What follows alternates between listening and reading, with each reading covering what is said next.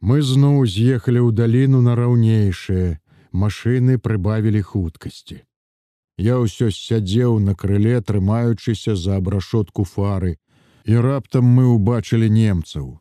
Немалая калона іхняй пяхоты маршыравала акрай дарогі, зважліва пропускаючы нашыя аўтамабілі, змораныя, схуднелыя, аброслыя шчэццю твары, бязладны прытомлены строй, усе абвешаны шынялямі, коўдрамі, тарбінамі з паходным майном, але без зброі. Ужо разброіліся, нібы палонныя, ці падрыхтаваліся ў палон. Дзе-нідзе збоч калоны тупаў абыякавы да ўсяго лейтенант ці обер-лейтенант з адной дзвюма бубкамі на кароткіх пагонах. Нашы салдаты з машынаў свавольна крычалі ім гітлер капут, яўна выказваючы тым і радасць і здзек і зласлівасць. Немцы амаль не адказвалі, толькі засцярожліва пазіралі на сваіх учарашніх ворагаў і тупалі сабе далей. Тады салдаты па-дурному жартуючы пачалі крычаць звыклае для немцаў хайль гітлер, ускідваючы ў гору руку і некаторыя з немцаў стрымана адказвалі свой хайль, няўпэўнена рухаючы ў гору рукой. Як на запясцях некаторых відаць быў раменьчык ад гадзінніка, нашыя стукалі зверху ў кабіну стой, шафёр прыпыняў машыну, нехта саскокваў на дарогу і кідаўся ў нямецкі натоп. Неўзабаве паяўляўся адтуль з гадзіннікам, а то і двума ў руках, ужо на хаду чапляючыся за борт студэбекера. Камандзіры сёння зрабіліся на дзіва добра і глядзелі на тое паблажліва, некаторыя самі выскоквалі з кабіну. Мой маёр прапагандыст таксама разы два вылазіў на дарогу.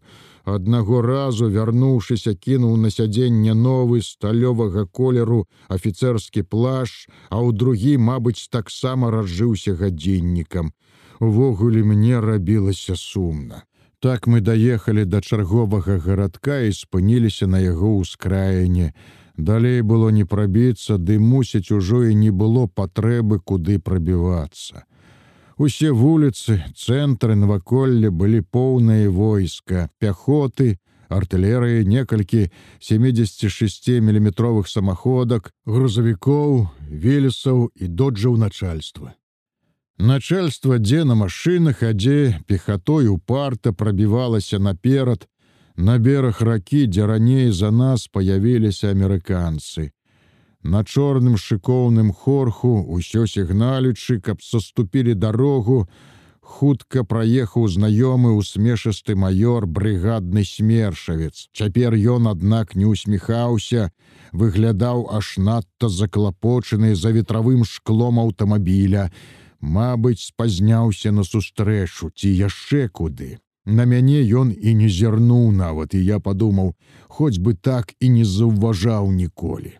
Наша калона трохі пастаяла на ўездзе ў гарадок, а затым нехта з начальства павярнуў яе ў бакавы завулак. Неўзабаве мы апынуліся на гарадской ускраіне ля шырокай надрэчнай лугавіны. Не паспелі выраўняць у які-небудзь парадак аўтамабілі з гарматамі. Як нас апанавалі вясёлыя людзі у нябачанай спартыўнага крою форме, грубых грувасткіх гамашах, яшчэ болей грувасткіх кастках з чахламі. То былі амерыканцы. Яны адразу кідаліся ў абдымкі з першым, хто ім трапляўся насустрач, салдат ці афіцэр, гучна ляскалі па плячах, штось ва ўсё горла крычалі на незразумелай мове. Нешта разумеў па-ангельску толькі мой пасажыр маёр і яны пасля першых ягоных слоў, з радасным крыкам пачалі кідаць яго ў гору бы найвялікшага савецкага героя. Нашыя салдаты спярша неяк нясмела паддаваліся іх весялосці, пасля пачалі смялей ахвотней гучна здароўкаліся і таксама па-свойму крычалі бы да глухіх.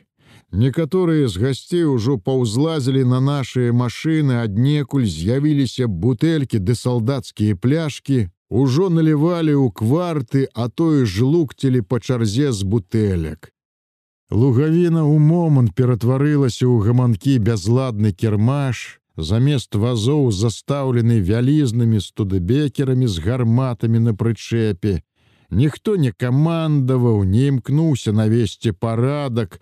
Тут былі толькі малодшыя афіцэры, камбаты і ўзводныя, старэйшыя камандзіры кудысь пазнікалі, мабыць, туды, дзе быў мост цераз раку і дзе цяпер адбывалася галоўная сустрэча. Але нам і тут хапала радасці. Некалькі амерыканцаў, здаецца, ужо на добрым падпітку, апынуліся перад маёй машынай і ўжо весела гарланілі. Двое абдымаліся з тэлефаністам мухам. Аказваецца, гэтае разумелі па-польску таксама, як і муха, што трапіў у полк з польскай арміі. І ўжо там чутна было, як гучала бардзо прошы, пан капрал, германско быдло. Убачыўшы мяне, муха радасна растлумачыў. Таварыш лейтенант, во дзіва, землякі, іхнія бацькі з-пад познані, во ромам частуюць. Адзін з тых землякоў, расхрыстаны, плячысты вярзіла, ужо соваў мне вялізную бутэльку, у якой яшчэ штось пляскалася, а муха падахвочваў за пабеду лейтенант. І я выпіў без вялікай ахвоты некалькі глыткоў цёплага смярдзючага пойла. Пасля мяне спаважна выпіў сяржант мядзведзяў. Затым аднекуль з'явілася алюміневая пляшка, жвава пайшла па руках. Муха раздаваў невядома дзе ўзятыя цвёрдыя кавалкі шакаладу на закусь. Мы яшчэ выпілі, і ля мяне апынуўся здаравенны белазубы негр, увесь у хакі, пачаў бесцарамонна мацаць на грудзях маю чырвоную зорку. Прэзент, сэр офіцер, С, прэзент, С. Я не разумеў, што значыць прэзент, ці не хоча ён атрымаць у падарунак мой ордэн. Сапраўды, мабыць, так. У адплату ён ужо скінуў з рукі металічны браслет гадзінніка і соваў мне. Як было ад яго адчапіцца. Іншыя, аднак, не адчапляліся. Скрозь адбываўся п'яны абмен сувеніраў, гадзіннікаў, зорак з пілотак, дзяк і нават пісталетаў. Гляджу, мой ціхі кананок ужо прыцэліваецца кудысь у кузаве з ладнай амерыканскай вінтоўкі, выменіў ці што. Не наваяваўся хлопец. Побач сядзіць на борце і паблажліва ухмыляецца расхрыстаны амерыканец. Ну яшчэ трохі прымем з-за пабеду, трохі развязна соваў мне пляшку мядзведзяў. Давай, чорт яе бяры, сапраўды перамога, Найвялікшая перамога ў найвялікшай вайне. Давай, мядзведь, будзем пець за тых, хто ніколі не вып'е. І я выпіў ці не першы раз са сваім падначаленым камандзірам гарматы. Увогуле тое не было ў нас прынята пець з падначаленымі. Калі пілі, дык болей з роўнымі сабе, узводныя з узводнымі, камбаты з камбатамі, Але тут такая падзея, конец войны. А мы з медзведзевым болей за чатыры месяцы кожны дзень і кожную ноч разам, у адным акопчыку і ля адной гарматы, а з адной пляшкі выпіваць не даводзілася. Усё ж маглі ў адной яме ляжаць, сказаў мядзведзеў, боўтаючы паднятую пляшку і быццам не адважваючыся дапіць. Пад шаманторніяй пад шаманторняй гэтай, там я ўжо не спадзяваўся, не выкрутка поўная. Так ён казаў праўду, на шаманторнюю я не забыўся. У час веснавога прарыву нямецкіх танкаў нашу гармату адрэзалі ад сваіх мы суткі праседзелі ў кукурузе, ужо не спадзяючыся выбрацца жывымі. Наперадзе на вышыні былі немцы, ззаду на дарозе нямецкія танкі, Наш цягач студабекер згарэў яшчэ рамкам ля пераправы, і мы апанурыліся. Тады мядзведзяў кажа: трэба як пацямнее паслаць каго ў пяхоту, каб далі чалавек 5 і тады б мы паспрабавалі выкаціць гармату. Так і зрабілі. Паслалі сцяпанова той прабраўся між нямецкіх танкаў і правёў чатырох з пяхоты.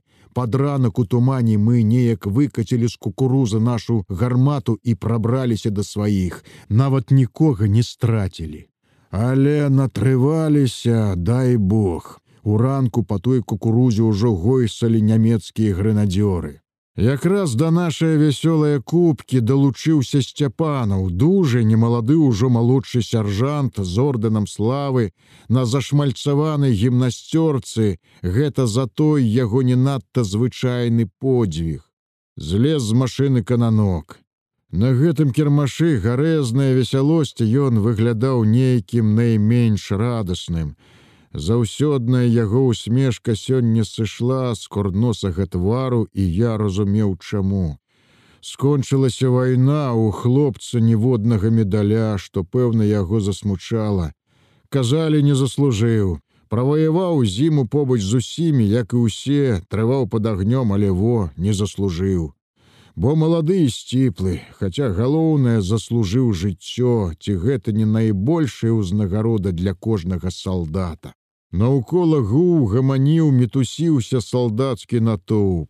Салдаты нашы ды іншых батарэй палка перамяшаліся з амерыканскімі, якіх прымалі сапраўды як братоў, гаманілі, абдымаліся і пілі разам з імі, але і між сабою нашых бруіла ніколі дагэтуль нечутая радасць.